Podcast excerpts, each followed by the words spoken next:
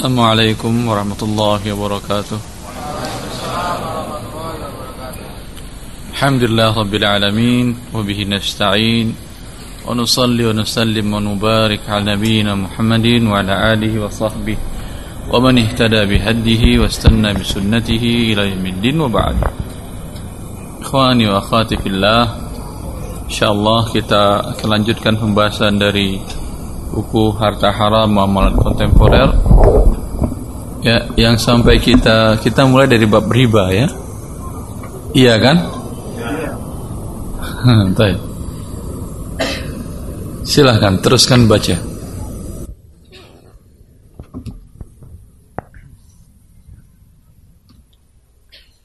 Bismillah. Bentar banyak yang nggak punya buku saya lihat. Eh Berapa orang yang tidak punya buku? Semuanya.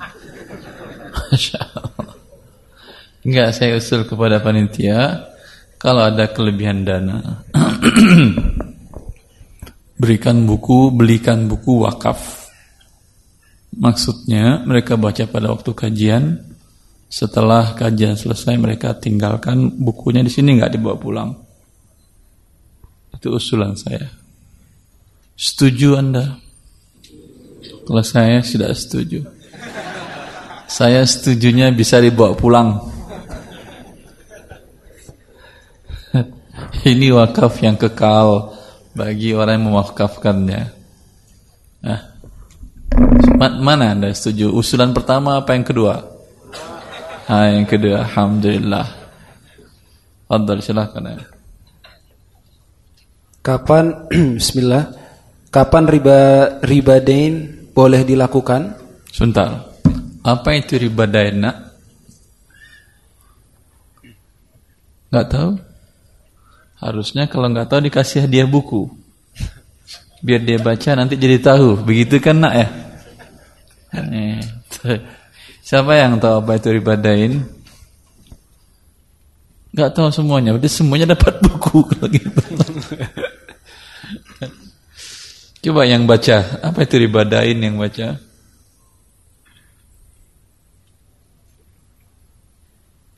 Riba yang terjadi akibat pertambahan utang piutang. Ini riba jahiliyah. Anzirni azidka. Dia pinjam uang atau beli barang tidak tunai uangnya Kemudian berjanji dia akan membayar pada tanggal 1 Desember 2016 umpamanya. Berarti akad jual belinya terjadi sebelumnya. Seminggu kah, dua minggu kah, dan seterusnya. Pada waktu tanggal 1 Desember dia ditagih, dia mengatakan, Anzirni azidkah Tiga hari lagi saya bayar, nanti saya tambah. Ah, saya tambah. Utang saya kepada anda umpama satu juta, saya tambah 10 persen, 2 persen lah. Ah, 102 juta saya bayar. Dengan ikhlas dia mengatakan demikian. Sahkah ini atau tidak? Tidak, walaupun ikhlas. Ini dinamakan dengan riba dain. Fatur. Terus. Kapan riba dain boleh dilakukan? Berbeda dengan goror yang dibolehkan dengan nisbah sedikit, riba dain tetap diharamkan walaupun Sebentar. Gharar dengan nisbah sedikit. Siapa yang bisa menjelaskan maksudnya? Silahkan bawa buku ini kalau belum punya buku. Kalau sudah punya buku enggak? Siapa yang bisa?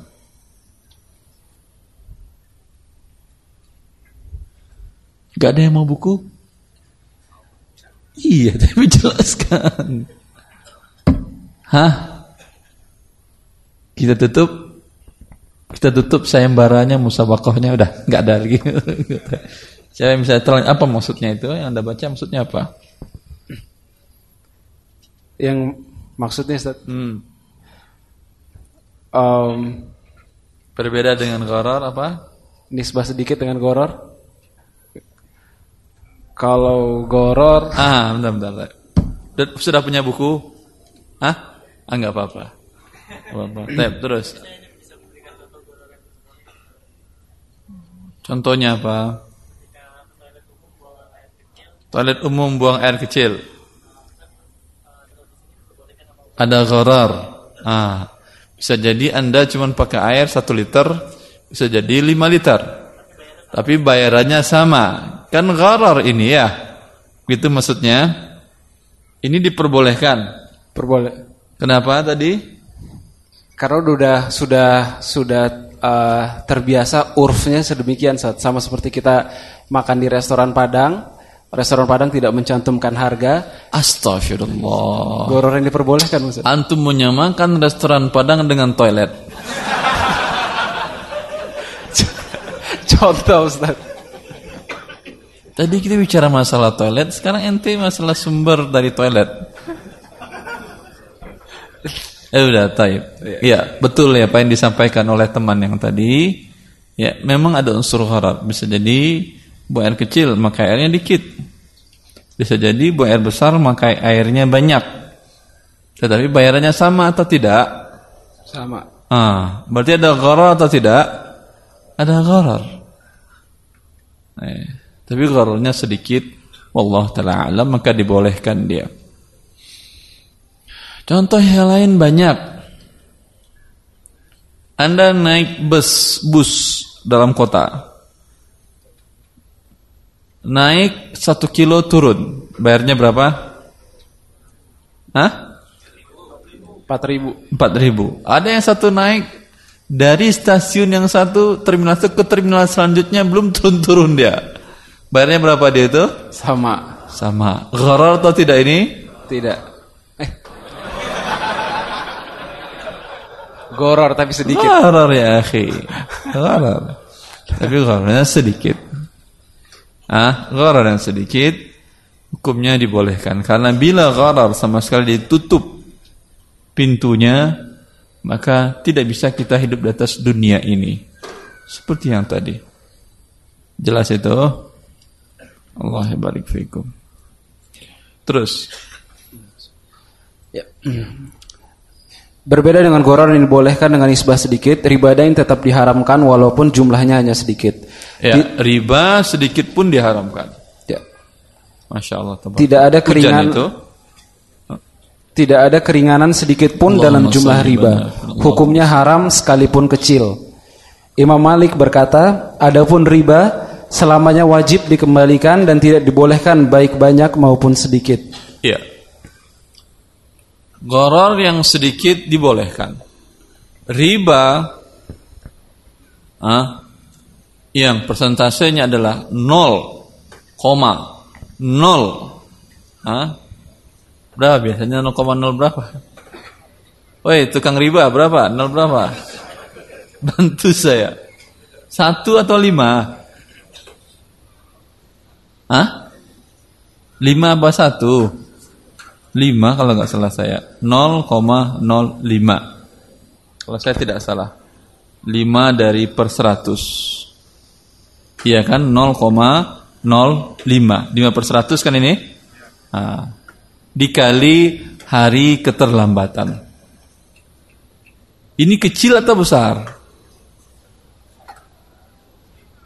Kecil karena cuman 0, nggak sampai satu Kalaulah dalam gharar tidak sampai satu ini dibolehkan. Iya atau tidak?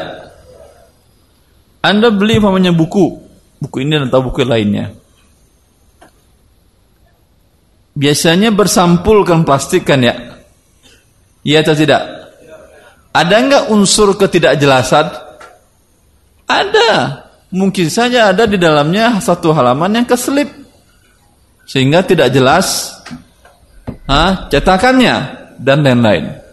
Ada unsur horornya? Ada. Tapi sedikit dibolehkan. Riba tidak. Walaupun di bawah atau 0,0 sedikit tetap hukumnya haram. Jelas Anda ini? Ah? Baik. Terus. Al-Baji wafat tahun 4- 474 Hijriah berkata membuat persyaratan pertambahan dalam utang adalah riba meskipun sedikit dan tidak ada perbedaan pendapat para ulama bahwa setiap pertambahan utang itu adalah riba. Ya. Setiap pertambahan hutang karena keterlambatan berapapun nilainya, berapapun nominalnya adalah riba. Berbeda dengan gharar. Terus. Ibnu Qudamah berkata riba diharamkan baik jumlah uang ribanya banyak maupun sedikit. Walaupun sedikit, walaupun satu persen, walaupun 0,0 persen, 0,01 persen, tetap hukumnya haram.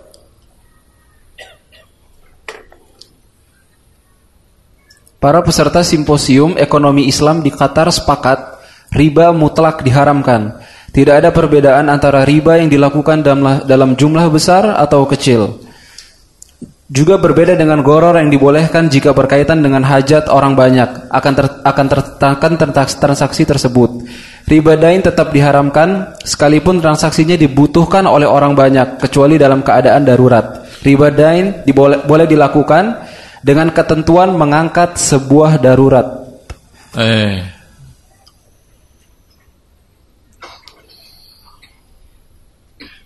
Kalau riba dain dia dibolehkan hanya kondisi darurat. Coba jelaskan salah satu contoh yang jawabnya betul nanti insya Allah catat namanya panitia. Bulan Ustaz. depan kita kasih satu buku dari saya. Insya Allah, insya Allah. Kalau betul jawabannya.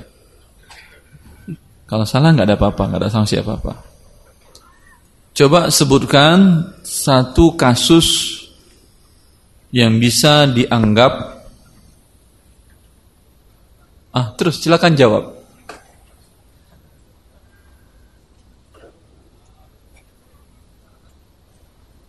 Mic-nya mana? Mic-nya mana? Panitia mikrofon. Antumnya yang maju kalau nggak ada mic-nya.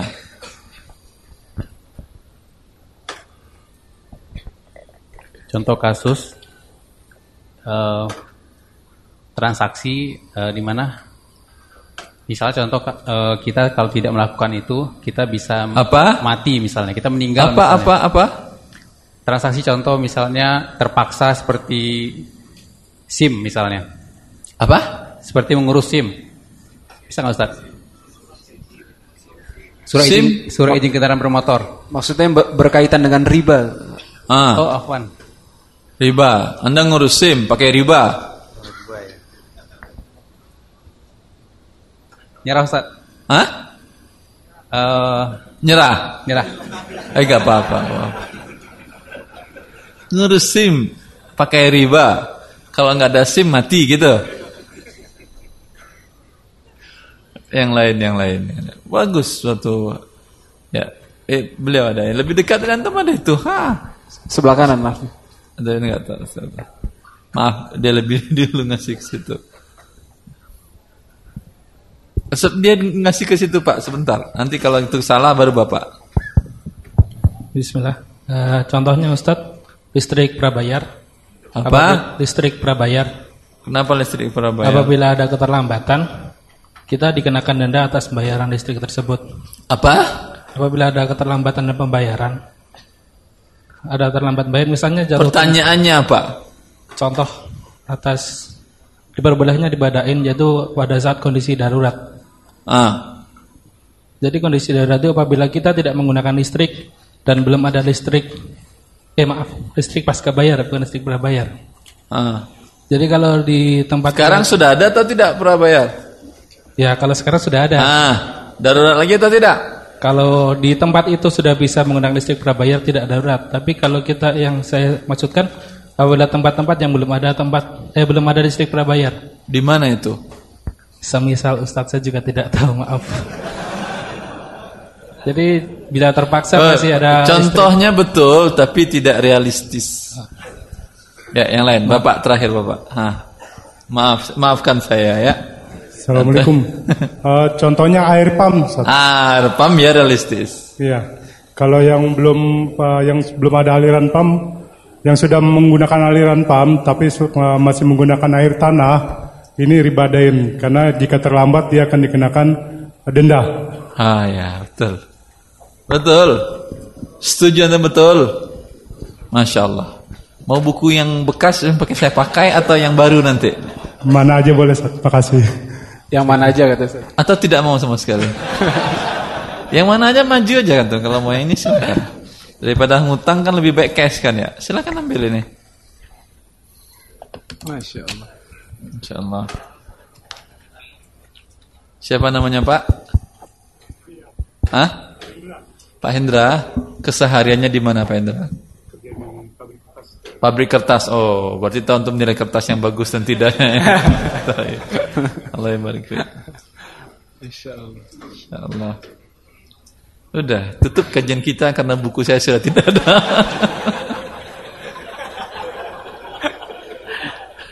Apa boleh buat? Ah, teruskan baca. Hal ini karena riba dain merupakan riba yang diharamkan atas asas maksud atau tujuannya dan bukan diharamkan hanya karena dapat menghantarkan kepada sesuatu yang diharamkan atau tahrim wasail. Maka sebuah kebutuhan yang tidak masuk kategori darurat tidak dapat memberikan dampak terhadap hukum asal haramnya riba jenis ini. Paham maksudnya antum itu? Paham maksudnya? Paham, Paham atau tidak? Paham Ustaz? Apa yang bisa anda pahami?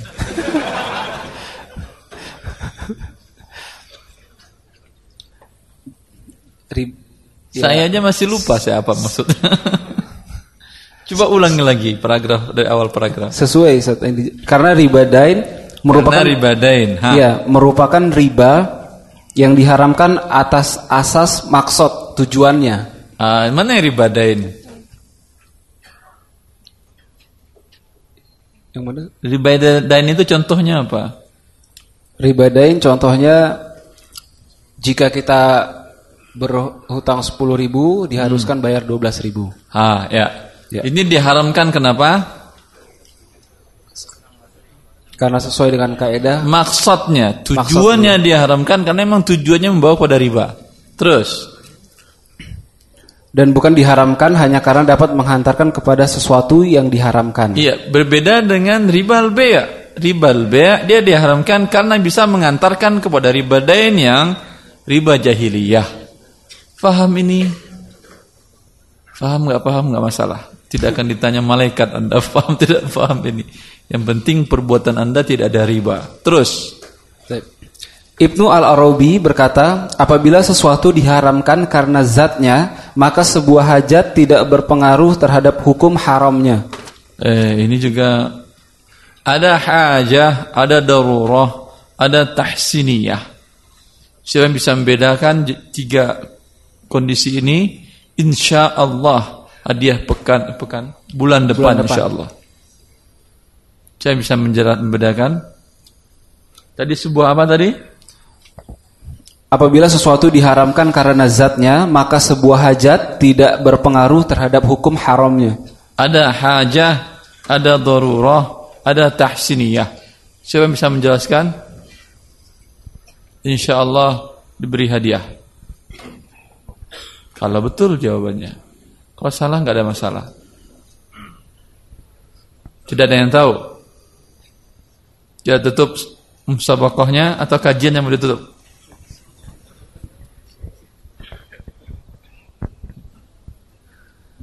Sesuatu yang darurat bila tidak dilakukan akan hilang lima hal yang penting bagi manusia. Hilang nyawanya bila tidak dilakukan, bila tidak pinjam uang dengan riba. Umpamanya dia sakit yang dikatakan oleh dokter, kalau tidak ambil tindakan cepat akan diperkirakan meninggal dalam hitungan sekian jam. Dan dia tidak ada biaya untuk perobat, pengobatan tersebut. Biayanya mungkin sampai puluhan juta. Maka dalam hal ini boleh dipinjam uang dengan cara ah, riba. Karena darurat dia. Jelas ini. Ha. Tahsiniyah, maaf, hajiyah Tidak mati dia, tidak mati. Ah, tidak mati. Tapi akan susah hidupnya. Umpamanya diponis oleh dokter, kalau tidak diambil tindakan segera dan biayanya umpamanya 100 juta, mati nggak nanti pasien kami ini, Pak? Enggak, enggak mati. Tapi mungkin ada yang apa namanya? disfungsi fungsi anggota tubuhnya sebagiannya tidak sempurna. Hah? Ini namanya berhutang dengan cara riba. Hukumnya adalah hajiyah. Bukan darurat. Jelas? Tahsiniyah seperti umpamanya kalau dia tidak ini jalan jalannya akan apa namanya? pengkal, bukan pengkal. Hah? Pincang, eh masya Allah. Allahu Akbar. Ada guru bahasa Indonesia. Jalannya akan pincang. Jalan pincang ini, apakah darurat untuk diperbaiki? Tidak. Tapi kan lebih cantik kalau jalannya tidak pincang. Tapi sekarang subhanallah, jalan pincang itu mana yang cantik? Iya atau tidak? Masa iya demi Tentu tidak. Allah barik fikum. Jelas. Hah? Terus. Kecuali darurat dapat membolehkan riba dain berdasarkan firman Allah wa qad ma harrama 'alaikum illa ma dhaturirtum ilaih. Ulangi baca ayatnya. Wa qad fassala lakum ma harrama 'alaikum illa ma dhaturirtum ilaih. Do, do kan ya? Do ada kolkolahnya. Bo. Coba ulangi. Illa mauturirtum ah, ilai. Masya Allah. Ulang dari awal. Wa qad fassala lakum ma harrama alaikum Wa qad fassala lakum ma harrama alaikum illa ma turirtum ilaih. Wa qad fassala lakum ma harrama alaikum illa ma turirtum ilaih. Ya. Sesungguhnya Allah telah menjelaskan kepada kamu apa yang diharamkannya atasmu kecuali apa yang terpaksa kamu melakukannya. Al-An'am ayat 119. Iya, Masya Allah. Ibnu Ashur berkata, sesungguhnya riba dain digolongkan riba yang diharamkan atas asas maksud tujuannya haja kebutuhan di bawah darurat tidak dapat melegalkan riba, riba ini. Iya.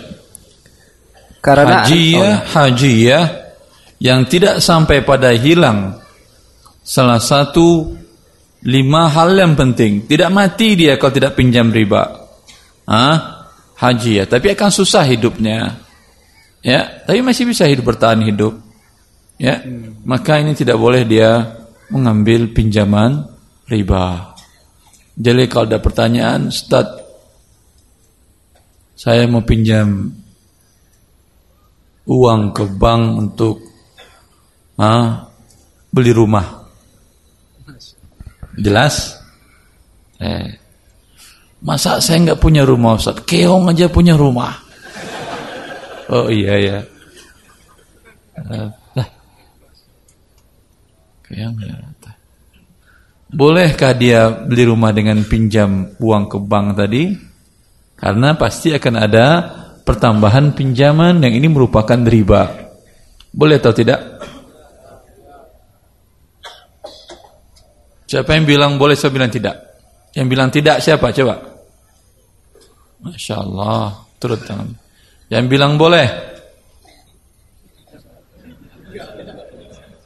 Satu, cuman. Eh, tolong kasih mic. Kenapa boleh, Pak? Kasih mic, kasih mic, kasih mic. Panitia di belakang. Tolong kasih mic, panitia. Sendirian saya rupanya ya. Enggak apa-apa. Assalamualaikum Ustaz. Ya menurut saya tadi uh, karena uh, keadaan terpaksa Pak. Karena kan seperti Bapak katakan tadi bahwa keong aja punya rumah, masa uh, manusia Keong terpaksa dia. Kalau dicabut rumahnya mati dia. Iya. Uh.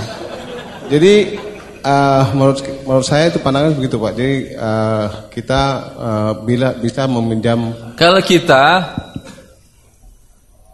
Kecil hadiahnya ya akhir. Mau hadiah ini Pak atau pekan Oh, depan? mau sekali Pak. Eh, saya juga mau sih belum punya saya. Eh, masya Allah. Masya Allah, Masya Allah. Apa judulnya ini? Apa ini nantinya? Bagus lah pokoknya ya. Yang penting gratis kan bagus. Masya Allah. Ah, silakan apa tadi Pak? Ya, eh, saya ulangi lagi bahwa, eh, kalau pemikiran saya kita eh, karena kita kebutuhan akan rumah, jadi kita bisa meminjam uang ke bank Dengan cara riba. dengan cara riba. Riba. Eh. Sekarang pinjam uang untuk punya rumah tadi darurat atau tidak? Eh, darurat bagi yang membutuhkan. Ah, sebentar, kita lihat darurat itu apa. Kalau tidak tinggal di rumah yang dibeli dengan pinjaman riba tadi, mati atau tidak? Ya tidak. Tidak. Ah, berarti bukan darurat. Tapi kebutuhan Pak Ustaz. Ah, Kebutuhan. ah, kebutuhan hajiyah namanya. Di bawah darurat. Tapi betulkah dia tidak ada pilihan lain? Berapa banyak warga muslim yang taat takut dengan riba, lebih baik dia 10 tahun dia nyewa kontraktor dia. Ya. Hah? Bisa nggak dia hidup tuh? Bisa. Bisa. Alhamdulillah. Berarti tidak hajiyah, tidak darurat. Kecuali di sebagian negara. Sebagian negara Eropa, seperti teman-teman saya dulu bercerita, di negara kami, kontrak jauh lebih mahal daripada beli rumah. Beli rumah tidak bisa, kecuali harus pakai pinjaman dari bank dan itu riba. Siapa yang siapa yang dari Denmark? Siapa yang dari Denmark? Siapa yang pernah ke Denmark? Saya Dan- Pak di Amerika itu mereka eh, sampai eh, tahunnya bisa sampai 60 tahun Pak. Kalau Apa pinjam itu? beli rumah. Sehingga eh, cicilannya tuh murah. Murah. Ya, di, Berarti bisa di- dibeli. Bisa, tapi Ah. eh, di sana eh, Kalau sewa kalau sewa yang pernah saya lakukan itu satu bulan 1000 dolar. lebih mahal sewa apa beli? Cicilan Eh, cicilan lebih murah daripada nyewa. daripada nyewa. Eh, Karena dia tahunnya itu eh, panjang sekali sampai 60 sampai 70 tahun, Pak. Kita bisa Iya. kredit. Tapi di Amerika ada solusi. Ada nggak bank syariah di Amerika? Waktu saya di sana belum ada. Tahun berapa itu Pak? Terakhir saya 2005. Saya nggak yakin 2005 tidak ada bank syariah di Amerika. Sayanya mungkin tidak tahu. Tapi eh, setahu saya bank syariah waktu itu di sana tidak ada. Eh, Ya.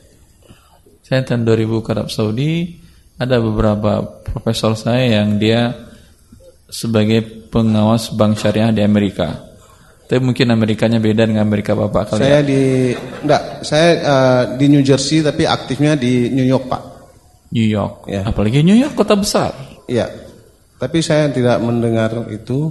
Waktu itu kita eh, beli rumah di bank konvensional aja. Allah yang barik fiik. Iya, Masya Allah. Ah, Terima kasih Ustaz. Nggak ada dia. fiik, Pak.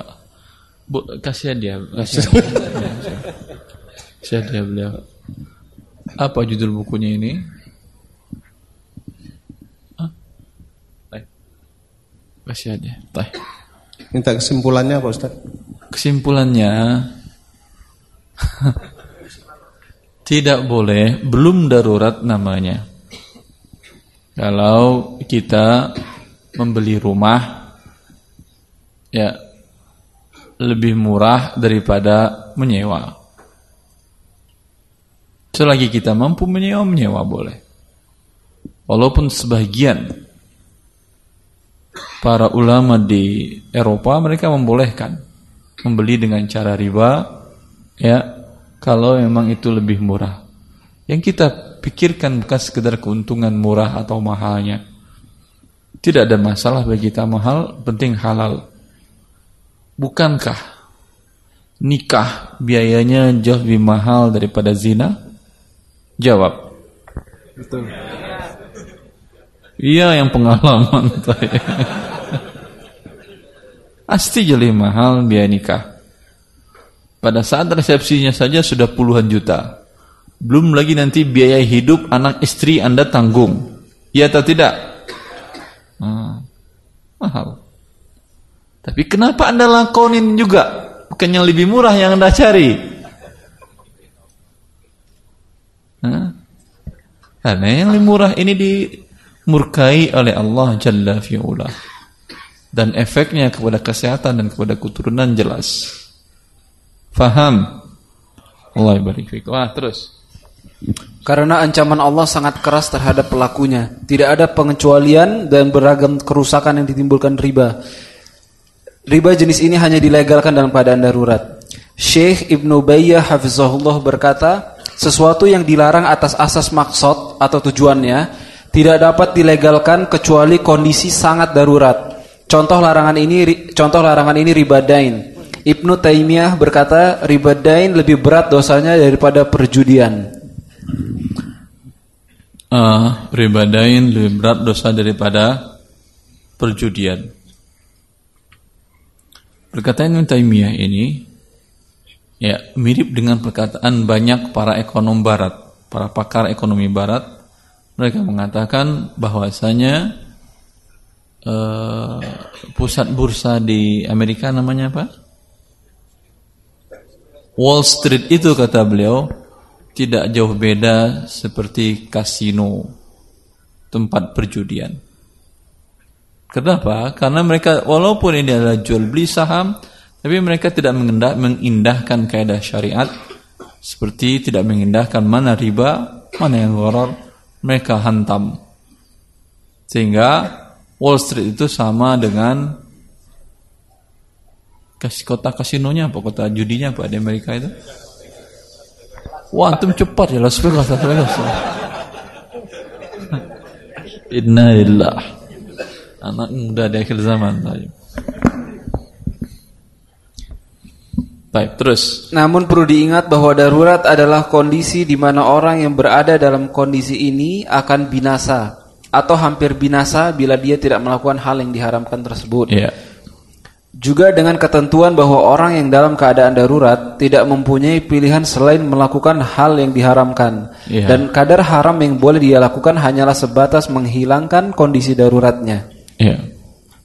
Apabila kriteria di atas tidak terpenuhi, maka kondisi tersebut belum dapat dinamakan darurat. Yeah. Dan tidak berhak mendapatkan keringanan untuk melakukan pinjaman dengan riba. Mungkin yang dapat dijadikan contoh untuk darurat yang memenuhi kriteria yaitu pertanyaan yang pernah diajukan kepada Syekh Al-Munajjid bahwa seseorang akan dilakukan operasi pada lambungnya. Akan tetapi dia tidak memiliki biaya yang cukup. Untuk itu apakah boleh dia meminjam ke bank konvensional dengan jaminan gajinya? Syekh menjawab, Menurut pendapat sebagian para ulama dalam kondisi yang ditanyakan ini, engkau boleh meminjam dengan cara ribawi. Jika kondisimu sampai pada tahap, tahap darurat, dan berat dugaan bahwa operasi akan berguna bagimu dan menghilangkan penyakitmu dan kondisimu ini tidak dapat ditunda sampai engkau mendapatkan pinjaman tanpa riba atau Allah memberikanmu rezeki yang baik. Ya, jelas ini kan? Jelas atau tidak? Ah, terus. Berikutnya bentuk-bentuk riba dain. Aha, selesai sekarang paragraf sebelumnya kapan riba dain dibolehkan? Satu saja cuman ketika darurat akan hilang nyawa Anda bila tidak melakukan riba dain. Tidak ada biaya sama sekali untuk berobat. Hah? Ini boleh. Jelas? Oh, Selain itu tidak boleh. Ada pertanyaan? Kita buka sesi pertanyaan, hai. Masih ada 10 menit lagi Ustaz menjelang. Kalau Anda setuju saya nggak ada masalah. Terserah. Boleh Ustaz? Ah, boleh hampir. silakan itu ada mic, silakan ngantri. Nah, yang nomor satu paling depan. Bismillah, masya Allah, pelan pelan pelan pelan, jangan kelahi, jangan kelahi. Nah, yang di belakang, belakang, masya Allah, banyak yang bertanya daripada ngaji. Kalau gitu pekan depan pertanyaan aja dari awal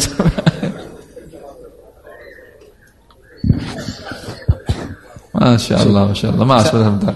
Udah udah bertanya semuanya. Coba coba panitia hitung berapa itu yang ngantri bertanya.